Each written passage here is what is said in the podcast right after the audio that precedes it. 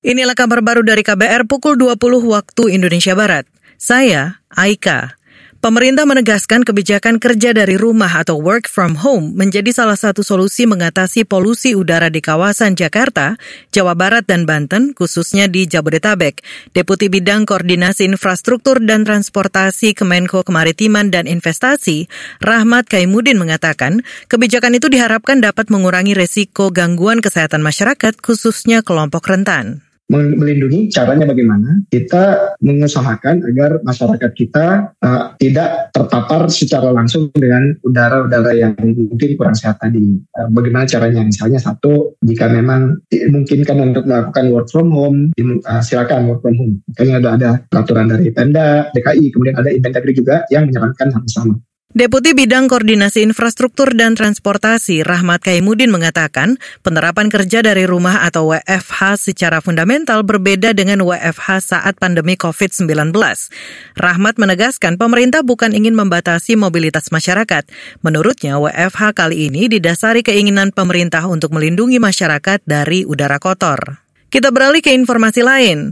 Kementerian Koordinator Bidang Pembangunan Manusia dan Kebudayaan mengungkap masih banyak pemuda yang tidak mengenyam pendidikan tinggi. Menteri Koordinator Pembangunan Manusia dan Kebudayaan Muhajir Effendi mengatakan sebanyak 35 persen pemuda merupakan tamatan SMP, 10 persen lulusan SD dan sekira 2 persen tidak tamat sekolah dasar. Kondisi ini menjadi tantangan dalam pembangunan manusia. Pembangunan keluarga harus dilakukan secara komprehensif, menyeluruh, dan terpadu untuk dapat memastikan akses keluarga terhadap pendidikan, terhadap kesehatan, terhadap gizi dan sanitasi yang layak, ketersediaan air bersih, dan makanan yang beragam benar-benar terjamin. Selain itu, dukungan untuk pengurangan kemiskinan bagi keluarga juga perlu diperkuat melalui peningkatan religiusitas masyarakat, keharmonisan hubungan dalam keluarga, Menko PMK Muhajir Effendi menjelaskan 33 persen pemuda masih bekerja dengan penghasilan rendah. Karena itu Muhajir mendorong semua pihak turut memperbaiki kualitas sumber daya manusia melalui pendidikan. Kita ke DPR. Fraksi PKS di DPR menilai realisasi pertumbuhan ekonomi 2022 belum berkualitas dan belum bisa meningkatkan kesejahteraan rakyat.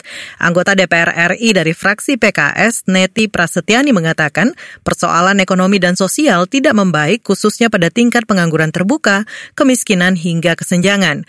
Hal itu disampaikan Neti dalam rapat paripurna pada pandangan fraksi-fraksi atas rancangan undang-undang tentang pertanggungjawaban atas pelaksanaan APBN tahun anggaran 2022 2022 hari ini. Pertumbuhan ekonomi belum memuaskan dan setinggi negara-negara sekawasan. Pertumbuhan ekonomi juga belum sepenuhnya berkualitas sehingga belum mampu mendorong peningkatan lapangan kerja dan kesejahteraan rakyat secara optimal. Fraksi PKS menilai benefit realisasi pertumbuhan ekonomi terkoreksi oleh tingginya angka inflasi. Pertumbuhan ekonomi yang hanya 5,31 persen justru lebih rendah dari tingkat inflasi yang mencapai 5,5 persen. Perwakilan fraksi PKS di DPR RI, Neti Prasetyani menambahkan pertumbuhan ekonomi yang berkualitas rendah juga menyebabkan kemampuan menyerap tenaga kerja terbatas. Menurut Neti, situasi ini semakin menjebak sebagian rakyat di garis kemiskinan. Di samping itu, saudara, tingkat ketimpangan pendapatan semakin lebar karena belum meratanya akses manfaat ekonomi negara oleh kelompok bawah. Inilah kabar baru dari KBR pukul 20 waktu Indonesia Barat. Saya, Aika.